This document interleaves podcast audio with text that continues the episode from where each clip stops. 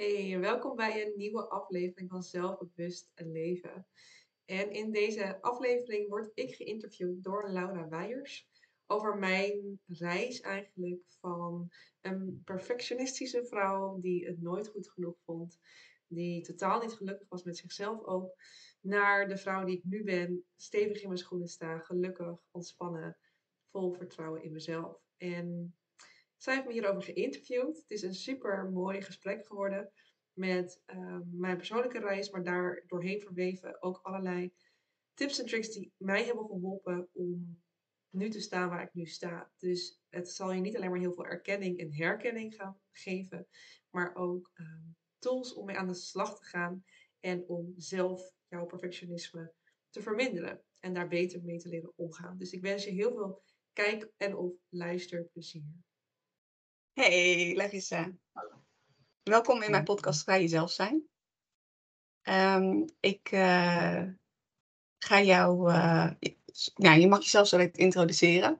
Um, maar ik weet dat jij voor jezelf hebt gekozen en ook helemaal voor jouw betekenisvolle missie. En daar gaan we het uh, deze podcast over hebben. Dus, zou jij daar wat meer over willen vertellen? Ja, nou superleuk dat, ik, dat we samen deze podcast gaan opnemen. Um, ja, over mezelf zal ik misschien eerst wat meer vertellen. Wie, wie ben ik en wat doe ik? Ik ben dus Larissa Masselink in elk geval. En um, wat jij bedoelt met voor jezelf kiezen. Um, ja, en eigenlijk ook impact gaan maken op mensen om me heen. Want dat is uiteindelijk wat ik wil. Is uh, het feit dat ik uh, uh, ondernemer ben. En ook voltijd ondernemer. En, en andere vrouwen help om ja, beter te leren omgaan met perfectionisme. Het is denk ik een thema wat heel veel heerst onder heel veel, uh, ja, überhaupt mensen. En ik richt me dan specifiek op vrouwen. Um, en waarom ben ik dan de persoon die daar uh, mensen mee helpt? Um, allereerst omdat ik de achtergrond heb als psycholoog, dus ik heb hier ook wel echt voor gestudeerd. en anderzijds omdat ik zelf heel veel last heb gehad van perfectionisme. En super veel geleerd heb op dit gebied, heel veel aan persoonlijke ontwikkeling heb gedaan heel veel tools heb ontvangen. En ik ben zelf nu onwijs gelukkig en heel ontspannen persoon. Lekker in het leven. Veel vertrouwen in mezelf. En dat gun ik een ieder. En um, dat gebeurt als je echt voor jezelf durft te kiezen. Voor jezelf durft te gaan staan. En niet alleen maar blijft doen wat een ander van je verlangt. Wat een ander van je wil. Um, ja, waarbij je dus eigenlijk het leven leidt van iemand uh, anders dan dat van jezelf.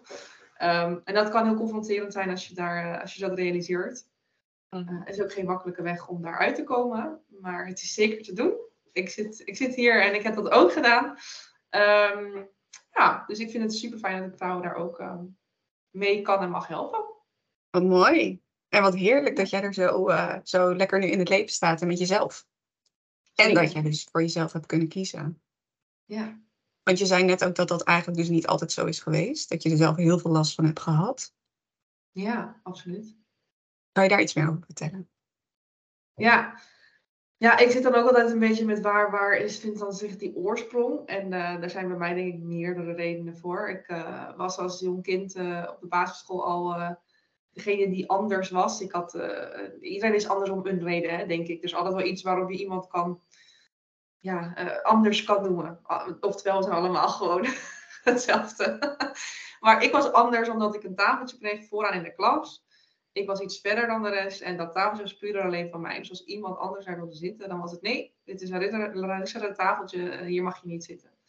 Nou, daar, waar begint het dan? Het is niet iets wat mij heel uh, bewust is bijgebleven, maar wat ik achteraf nu weet. En dat je denkt, ja, daar begint wel een beetje het gevoel van, oké, okay, maar uh, is er dan iets mis met me? Of is dat gek of zo? Ja. Dan ben ik zelf ook um, gepest op de basisschool en gepest ook op de middelbare school. Um, Waarbij het ene was vooral echt uh, fysiek en verbaal. Uh, en het andere, toen kwam social media op. Dus toen ging het heel erg via Hives en MSN toen de tijd. Oh, yeah. um, en ik kan er nu heel makkelijk over praten hoor. Zoals je misschien hoort of ziet. mm. Maar um, ja, dat was toen natuurlijk hartstikke moeilijk. En daar brengt, dat brengt dan toch natuurlijk een basis van... Um, ja, je, je bent niet goed als persoon. Je doet het niet goed... Ze noemden mij op de middelbare school altijd een meeloper. Ik deed maar wat de rest deed. Um, ik had geen eigen mening meer volgens hen. Ik voelde dat helemaal niet zo. Maar blijkbaar, ja, toen ga ik toch twijfelen aan. En ik dan doe ik het dan dus niet goed. En dan ga je juist eigenlijk je mening aanpassen aan anderen. Uh, waarbij ook denk ik nog een relatie die ik had op mijn vijftiende flinke breuk, een breuk in mijn zelfvertrouwen heeft gebracht.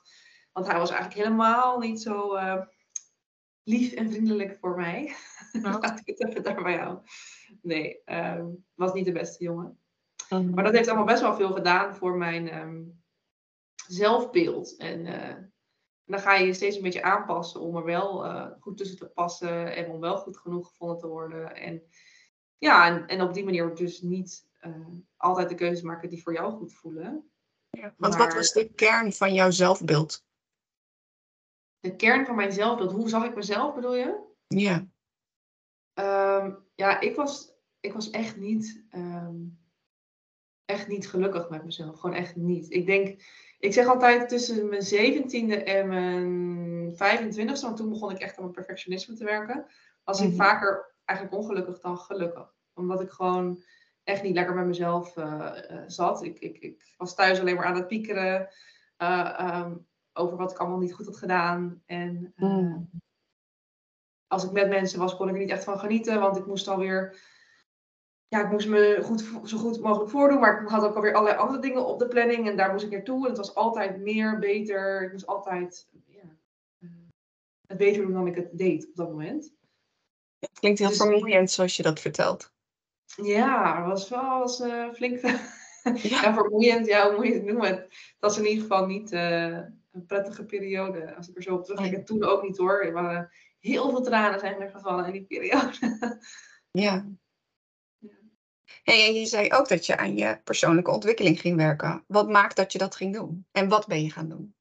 Ja, nou, ik, ik, uh, wat ik zeg, ik ben op mijn zeventiende ben ik al uit huis gegaan. Dus dat was ook vrij vroeg. Zo, en ja. toen werd ik gewoon ook echt meteen al geconfronteerd met mezelf. Want ik had altijd eigenlijk al wel dat ik, uh, ook op de uh, basis- en middelbare school, ik wilde altijd wel streven naar het beste. Ook op mijn volleybal. Ik wilde altijd de beste zijn. Ik, wilde, ik, ik was daar ook, ja, het klinkt een beetje arrogant. Ik was er ook gewoon goed in. Dus ik was goed leren. Ja. Ik was goed in volleybal. Dus ik was ook steeds best wel be ja, beter dan leeftijdsgenootjes. En dat werd ook een soort van een standaard. Dat ik gewoon altijd um, uh, ja, het beste of het, ja, het beste wilde zijn. Maar als je op een gegeven moment dan uit huis gaat en alles valt een beetje weg om je heen. Want mijn ouders hadden toch een beetje een veilige haven. Toen werd ik ineens op mezelf uh, aangewezen. En toen heb ik eigenlijk gewoon twee jaar lang uh, best wel moeite gehad met op mezelf wonen. En heel veel heimwee, me alleen voelen. En elk weekend naar mijn ouders en dan weer huilend terug. En uh, oh. ja, dat was voor mij echt heel pittig. Dus toen op een gegeven moment, um, ja, toen zei ook mijn, mijn moeder van ja, dit, dit, kan eigenlijk niet zo langer. Hier mogen we wat mee. Toen ben ik op mijn negentiende dus naar huis, de huisarts gegaan. En um, ja, die zei van ja, weet je, jij leeft alleen maar in je hoofd. Je bent ja. volledig niet meer bezig met wat je eigenlijk wil. Alles uh, wordt rationeel bepaald of je luistert naar anderen, maar het is niet, je weet helemaal niet meer wat jouw lichaam je vertelt. Uh, dus hij, hij heeft me toen doorgestuurd naar een haptotherapeut. En haptotherapie ja, dus voor de mensen die dat niet kennen, haptotherapie um, is heel veel met aanraking. Dus de therapeut die praat zeker ook met je, maar dus ook met uh, een vorm van aanraking waarbij ze um, eigenlijk ook ontdekt waar in je lijf soort van de, de knopen zitten, waar, waar de emotie zit of waar de, ja, de pijn zit. Toen yeah. ik dacht, jeetje, wat zweverig. maar uh, het werkte wel. Uh, kijk, haptherapie wordt vaak gedaan op blote huid. Nou, ik voelde me daar com compleet niet comfortabel bij, want dan lig je eigenlijk op een bank net bij een fysio. En dan raakt je bijvoorbeeld je buik of je rug of wat dan ook aan. Nou, ik voelde me er niet comfortabel bij, dus het was ook heel erg, doe het op je eigen tempo. Dus ik lag gewoon volledig aangekleed daar. En, en dan nog, als zij bepaalde plekken rondom mijn buik, volgens mij, rondom mijn onderrug aanraakte, dan, dan sprongen de tranen in mijn ogen. Gewoon puur de aanraking. Wow. Ik voelde zo dichtbij, iemand die mij aanraakte. Uh, en ik durfde het niet te laten zien, hè, die emotie. Dus ik probeerde het ook nog steeds weg te slikken. Want ik vond het toch heel heftig om mij een onbekende te laten zien. Ja. Uh, maar dat was het begin. En uh, toen ging ja, ik vond het moeilijk om mijn emoties bij haar te laten zien. Maar ik merkte wel dat het dus wat losbracht. Dat ik dus inderdaad een live heb waar ik naar mag luisteren. Oh. Dus ik heb daar iets van acht sessies gehad. En dat heeft me toen wel heel veel geholpen. Om um, niet alleen maar hier te leven. Maar goed, dat was een startpunt. Want uiteindelijk heb ik ook nog sessies gehad bij een psycholoog. Van, toen was ik inmiddels denk ik 23, dus het is alweer vier jaar later. En um, dat, dat was ook nog niet voldoende, merkte ik. Want toen kwam ik toch nog weer tegen perfectionisme aangelopen. Dus ik heb heel wat gedaan. Op mijn 25e ben ik dan nog een online programma gestart over perfectionisme specifiek. Um, En die hadden ook groepscoaching erin zitten en community. Dus je kon ook met elkaar. Uh, je had heel veel steun aan elkaar. Dat je daar gewoon een vraag stelde en dat andere mensen zich erin herkennen. Dat is, super fijn dat je niet de enige bent. Uh, en ik heb één op één coaching ook nog gevolgd, uh, een periode lang. En daar heb ik eigenlijk uiteindelijk het meeste uitgehaald. Maar ja, toen was ik ook al wat ouder. Yeah. toen zag ik, had ik al wat dingen gedaan en toen zag ik dingen al anders dan toen ik twintig was, zeg maar, met die haptotherapie. Ja, want toen zei je, je maakte een beweging. Uh, dan leerde ik om meer uit mijn. Je maakte een beweging naar je hoofd. Je leerde om niet alleen maar uit je hoofd te leven, maar ook contact te maken met je lichaam. Dus dat was je eerste inzicht daar. Ja. En wat heb je bij die één op één coaching? Want je zei dat dat heeft eigenlijk de meeste transformatie, hoor ik je eigenlijk zeggen, uh, bewerkstelligd. Wat was daar je, je grootste inzicht? Nou, het was een beetje de combinatie denk ik, van dat online programma wat ik volgde. Want daar heb ik heel veel mhm. tools geleerd. Alleen ik wilde ze daadwerkelijk ook gaan implementeren in mijn leven. En toen voelde het, ja, moet ik dat nou alleen gaan doen? Daar heb ik liever iemand bij ja, die mij helpt. Dus daarom hebben we dat samen gedaan. Mhm. Um, en wat een heel groot inzicht is geweest voor mij, is uh, buiten inderdaad dat gevoel, want dat is echt een hele belangrijke. Daar begon het echt mee. Is um, luister, ja, uh, bewust zijn van hoe je met jezelf omgaat, hoe je tegen jezelf praat. en oh, daar iets in veranderen. Want ik was zo ontzettend streng voor mezelf. Ja. En uh, toen ik dat ging inzien en op een andere manier ging praten tegen mezelf, dan is heel veel veranderd. En kijk, men voelt dan meteen als je, want misschien als mensen luisteren, uh, herkennen ze dat je dingen kan zeggen als, uh, wat ben je ook een loser, je kan er helemaal niks van, waarom ben je dit in hemelsnaam aan het doen, want ik kan maar beter stoppen, mm weet ik veel. Dat kan een ander beter doen, heel veel nare gedachten. En als je het idee hebt van ik, ik, mag dat dus veranderen, dan voelt het ineens alsof je moet zeggen, ja, je bent de beste, je kan het supergoed. Nou, dat is ook niet realistisch, hè? want uh, daar ga je niet in één keer naartoe en dat voelt ook helemaal niet um, uh, geloofwaardig als je dat tegen jezelf gaat zeggen terwijl je eigenlijk het andere voelt. Dus daar hoef je niet meteen naartoe. Uh, maar wat ik heb gedaan, is in kleine stapjes daar komen en mm. eigenlijk dus beginnen met een realistische gedachten als het is oké als ik een fout maak. Ik mag hiervan leren. Ik mag groeien. Ik, uh, weet je, ik ben mens. Uh, maar heel, en dat, dat zijn dingen die je ook daadwerkelijk kan geloven. Ja. Um, en die realistisch voelen. En dan is het niet zo'n onwennig proces waarin je jezelf ineens gaat ophemelen voor je gevoel. Maar gewoon stapje voor stapje op een liefdevolle manier gaat praten tegen jezelf. Ja, dus je hebt eerst, werd je bewust van die, hè, die gedachten waarin je jezelf constant omlaag haalde. Daar ben je bewust van geworden. En vervolgens ben je hè, daar wat, niet per se de cheerleader, maar uh, uh, wat meer, ja, hoe zei je het zelf? Welk woord gebruikte je? Realistisch? Ja, meer realistisch en wat geloofwaardiger voor jezelf. Ja. Want anders dan ga je er waarschijnlijk mee stoppen als je denkt, nou, dat geloof ik echt totaal niet, wat een onzin. Ja, en heb je inmiddels wel die cheerleader op uh, maximum volume staan? Of hoe werkt dat bij jou in je hoofd?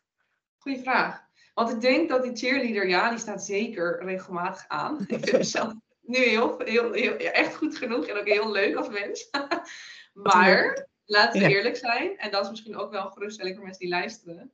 Dat voel je niet altijd. En dat hoeft ook niet. Ehm, ik ben uh, de ene keer heel blij met iets wat ik heb gedaan. En de andere keer denk ik, wow, moet ik dit wel doen? Kan ik dit wel? Wat spannend. Ik heb ook onzekerheden. Uh, en dat verschilt soms per thema. Dus ik, zeg maar, over sommige dingen kan ik heel zeker zijn, terwijl ik over andere dingen spannender vind. Um, of ook per moment. De ene keer denk ik, wow, ik ben super goed in tennis. Dat is even mijn nieuwe ding waar ik mee bezig ben. Keer denk ik, oh, nou, ik kan nog wel heel veel leren, zeg.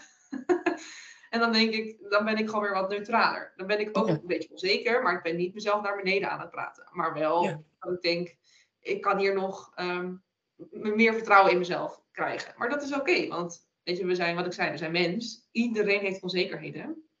En het is niet realistisch om te denken dat je nooit meer onzeker zal zijn. Want dat is menselijk, dat hebben we allemaal. Ja. De vraag is, hoe ga je ermee om? En wat doe je ermee vervolgens? Laat je erdoor tegenhouden. Ja. Mooi. Ja. hey, en um, hè, je bent uiteindelijk ondernemer geworden. In welke periode? Want je vertelde net dat je, dat was je rond je 25ste dat je met, de, met dat programma aan de slag ging? Of was dat wat later? Ja, nee, ik weet eigenlijk nog wel ongeveer. Uh, corona brak uit maart 2020. Ja, zeker. En je had ineens heel veel tijd en je werd geconfronteerd met jezelf. Hè, dat zullen ja. mensen herkennen. Uh, toen dacht ik, ja, nu is het tijd om daar aan te gaan werken. Dus ik denk dat ik iets van mei 2020 in zo'n programma ben gestart. En nou, dat programma duurde denk ik drie maanden toen. Mhm. Daarna ben ik dus doorgegaan naar coaching, uh, in op één coaching. Um, en dat viel allemaal een beetje tegelijk samen met mijn baan die ik toen had in het onderzoek. Wat heel, um, ja, hoe noem ik dat? Het was een omgeving waar je heel erg uh, kon floreren in je perfectionisme. Want je moet er altijd oh. presteren. je moet altijd presteren. Er is heel veel druk van collega's om je heen. Je moet geld, geld uh, binnenhalen voor onderzoeken. Je moet ja. strijden voor goede posities. Weet ik heel competitief, ja. Competitief. En dat, uh, dat, dat zorgde dus ook voor bij mijn perfectionisme dat het wel opspeelde. Dus eigenlijk toen dat, um, dat, dat contract liep af, eind 2020, yeah. uh, toen kon het niet meer verlengd worden. Dus ik moest daar sowieso weg. Um, en uh, tegelijkertijd had ik dus aan mijn perfectionisme gewerkt. Dus het viel een beetje samen. Toen ben ik met een loopbaanadviseur gaan kijken. En toen ben ik eigenlijk uh, ja, um, via, ja, met hem zeg maar, eruit gekomen van... ik zou heel graag mijn eigen onderneming willen starten. Um, dus eind 2020 heb ik dat soort van bedacht. Dat, vind ik, dat zou ik graag willen. Ja. En in alle eerlijkheid ben ik me ingeschreven bij de KVK september 2021. Oké, okay, dus het heeft nog even geduurd. Ja. En wat maakte dat dat nog even tijd kostte? Angst. Altijd angst. angst. Dat zit er eigenlijk onder. Meestal is dat angst. nou ja, angst dat het niet gaat lukken. Uh, hoe begin ik? Ik weet toch helemaal niks ervan. Dus ik vond het gewoon reeds spannend. Um, ja. Nou heb ik ook in die tijd heel veel me ingelezen. Dus ik heb allemaal podcasts geluisterd, weet je wel. Ik heb daar heel veel over gelezen. Omdat ik wilde weten, wat is ondernemen überhaupt? Maar het voelde wel heel erg, dat wil ik. Yeah. Alleen die stap zetten was wel um, ja, intens. En ik dacht wel, ik ga meteen beginnen met een, um, een business coach. Iemand die al ervaring heeft in het ondernemen. Die weet hoe ze mij daar kunnen helpen. Dus ik ben in oktober ook meteen ingestapt bij een business coach. Voor een -hmm. half jaar. Zodat ik de basis in ieder geval goed kon neerzetten.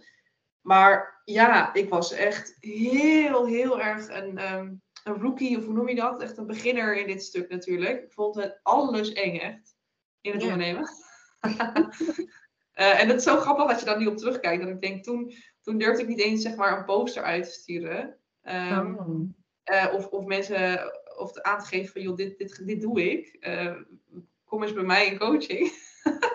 en, Want waar was je bang voor?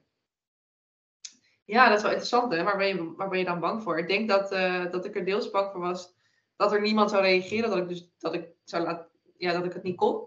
Maar de andere kant ook, als mensen wel reageren, en dan, dan kan je door de mand vallen. Weet je wel? Het is twee kanten altijd een beetje. Ja, want wat, wat, had, wat geloofde jij op dat moment over jezelf? Over mijzelf als persoon was ik echt al helemaal van, ik ben goed zoals ik ben. En wat ik nu doe in mijn onderneming, is niet een reflectie van mij als persoon, hoe waardevol ik ben. Want ik denk dat dat is wel goed voor mensen. Dat mag je echt loskoppelen. Wat je doet, wat je presteert, heeft niks te maken met jou als persoon, qua hè, hoe waardevol jij bent. Jij als individu bent gewoon heel erg goed zoals je bent. En hetgeen wat je doet, kan misschien nog verbeteren, maar dat heeft niks te maken met, dat doet niks af aan de waarde van jou als persoon. Het staat echt los van elkaar. Uh, dus dat voelde ik wel heel erg. Maar ja, ik voelde natuurlijk al wel van, kan ik dit wel? Zit ik wel op de goede weg? Is dit wel voor mij? Um, ja, weet je, het, het, is wel spannend als je zoiets nieuws gaat doen. En dat mag ook, is ook helemaal niet erg. Mm. En, uh, en welke um, helpende gedachten hebben jou destijds geholpen om wel door te gaan, of, wel te posten? Um, nou ja, ja, stap voor stap wel daar te komen. Vraag. Ik weet niet of ik nog heel erg goed voor de geest kan halen of ik bepaalde helpende gedachten had. Maar ik had gewoon een heel groot verlangen om dit hmm. succesvol te maken. Dus ik, had, ik ben ook wel iemand die heel veel discipline heeft en heel veel doorzettingsvermogen. Dus ik voelde gewoon zo groot dat verlangen, dus daar wilde ik gewoon heel graag voor gaan. Dus daar heb ik elke keer weer mee verbonden. Van, maar weet ook weer waarom je dit wil, zeg maar. En ik heb ook wel het geluk gehad dat ik gewoon een best wel steunende omgeving had. Dus ik kreeg eigenlijk ook al meteen uh, ja, dit past echt bij je. Oh, dit is echt iets goeds om, om te gaan doen. En ik kreeg ook meteen al wat leuke reacties van bekenden, zeg maar. Dus dat hielp me wel dat, uh, om, om door te gaan. het is grappig als je nu dan bijvoorbeeld uh, stories of zo terugkijkt die je toen opnam, denk ik, nou, gaat nergens over. Alleen ik, ik vond het toen echt meteen, en dat was ook wel fijn, meteen leuk. Dus ik vond het heel. Tuurlijk, iedereen vindt het spannend om met je gezicht op stories te verschijnen en daarin te gaan praten. Ja. Maar toen ik daarmee begon, ik vond het eigenlijk meteen leuk. Dus ik vond het wel spannend, maar ik vond het meteen leuk. Dus toen dacht ik, oh, dat, dat soort dingen helpen natuurlijk hè, in, in zo'n proces. Dat ik meteen wel wat goede reacties kreeg. Het ook leuk begon te vinden al direct. En gewoon heel, heel erg wist waar ik naartoe wilde, zeg maar. Waarom ik dit wilde doen. Ja, ja ik, ik hoorde je net zeggen, hè, je connecte heel erg met je why, hè, jouw betekenisvolle Ja. missie dat je, en dat verlangen wat je had. Dus dat was heel sterk. Je, Ja. ging, eh, je had een supportive eh, omgeving. En ik hoorde je ook zeggen, hè, je ging het gewoon doen en je merkte, oh hey, ik vind dit wel leuk. En zo op die manier een stukje zelfvertrouwen dat je dan zo daarop Ja. kon voortbouwen. Ja, ik denk ook dat dat de manier is waarop je zelf er uiteindelijk groeit. Ja, je mag het, ja, ze zeggen niet voor niks start before you're ready. Eh, soms moet, mag je beginnen en dan gaat het vertrouwen erin groeien. En andersom niet, want hoe ga jij vertrouwen krijgen als je er niet mee bezig bent, als je het niet doet? Dan kan je dat vertrouwen niet per se vergroten. Je kan heel veel kennis verzamelen, Mm. maar uiteindelijk mag je het gaan doen. En ehm, dan, dan hoef je niet meteen.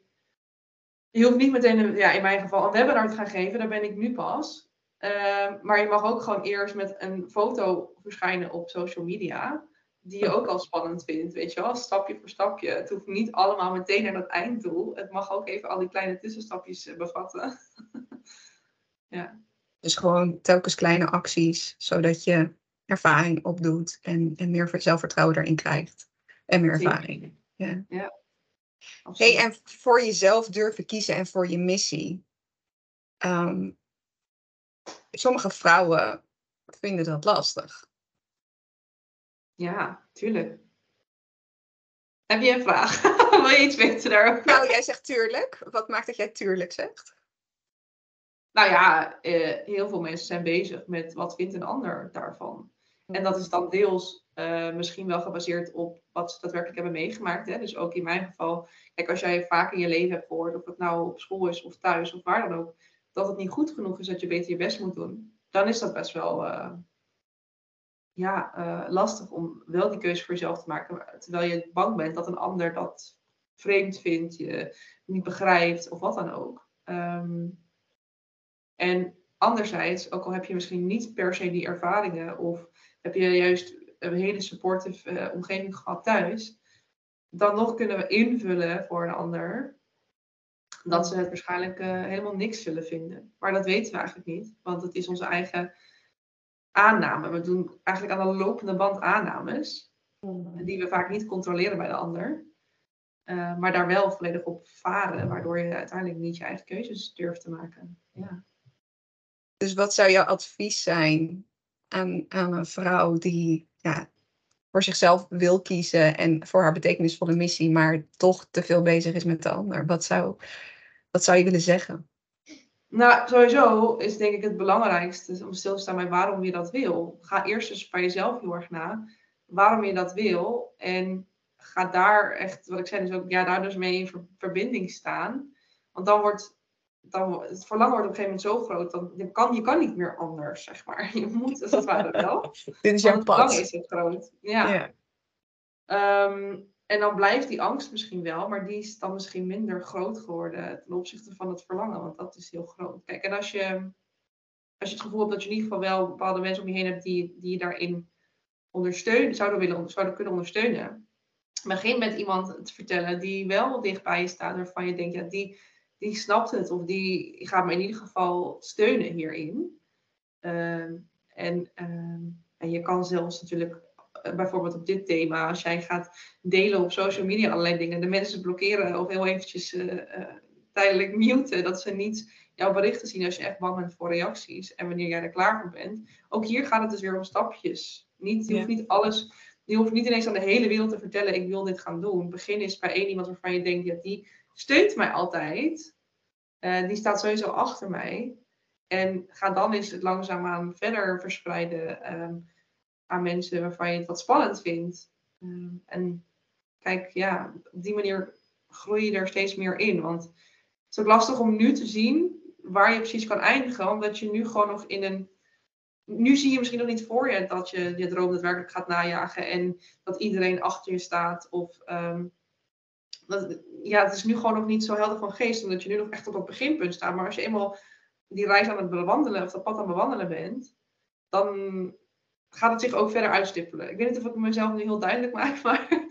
Ja, nou ja, voor mij wel. Maar wat, waar het mij aan doet denken is de quote van... You don't have to see the whole staircase, just take the first step.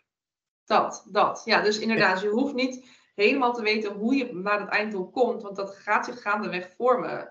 Nu zie je dat misschien nog niet, maar dat komt omdat je nu bepaalde kennis hebt, bepaalde overtuigingen hebt, bepaalde mindset hebt die, je ook, die ook mee gaat groeien als jij stappen gaat zetten. Waardoor je misschien wel meer kan zien van daar ga ik naartoe of meer kan geloven dat je dat kan en waardoor de hele weg zich steeds verder uitstippelt uh, die je nu nog niet kan zien. Maar de staircase gaat zich steeds verder ontvouwen, zeg maar. ja, thanks voor deze quote, die helpt wel. ja, nou wat super. Dankjewel Larissa. Heel fijn dat je ja, open je verhaal deelt over waar jij mee hebt gestruggeld en dat je zo aan jezelf hebt gewerkt. En ik hoor ook hè, dat je je eigen waarde los hebt gekoppeld van wat je presteerde. Um, En dat je daarmee dus uiteindelijk uh, hè, vanuit een heel persoon eigenlijk ook hebt kunnen kiezen voor jouw, jouw betekenisvolle missie. Om uh, vrouwen te helpen perfectionisme los te laten ja, ik vind het sowieso gewoon heel erg mooi om ook zelf ehm, open en kwetsbaar te zijn af en toe. Kijk, ik, ik, ik weet waar ik het over heb en dat moet ik ook duidelijk aangeven.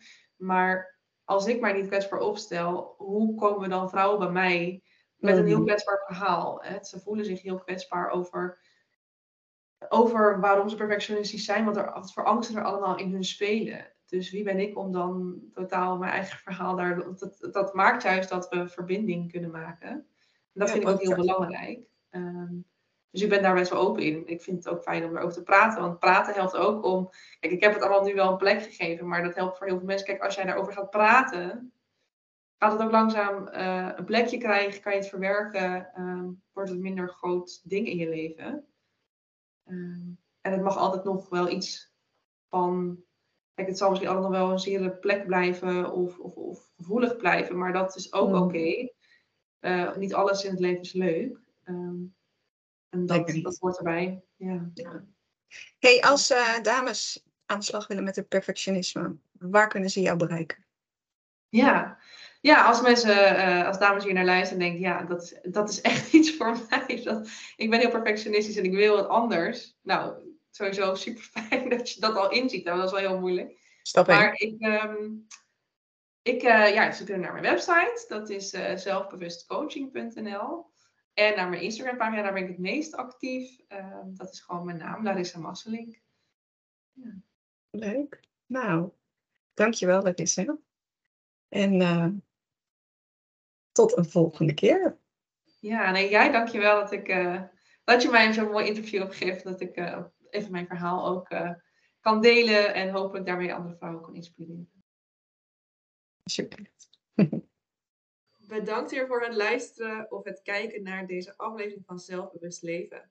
En mocht je dit nou interessant hebben gevonden, mocht je dit nou tof hebben gevonden, laat het dan even weten door een review achter te laten. Op Spotify doe je dat simpelweg door een paar sterren te geven, het liefst natuurlijk vijf. En op uh, YouTube kan je eventueel een reactie achterlaten of ook de video liken. Want op die manier komen er nog meer mensen die deze podcast gaan luisteren. En kan ik op die manier nog meer vrouwen helpen om minder last te krijgen van hun perfectionisme. Want dat is uiteindelijk mijn grote missie. Mocht je nog verdere vragen hebben, weet dan ook dat je me altijd even een berichtje kan sturen via Instagram. Ik zal mijn Instagram in de show notes zetten.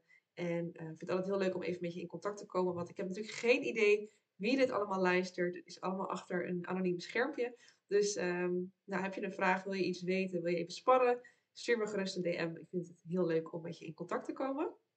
En dan uh, voor nu hoop ik je weer te zien, of uh, ja, hoop ik dat jij mij weer ziet en hoort uh, bij een volgende podcast aflevering.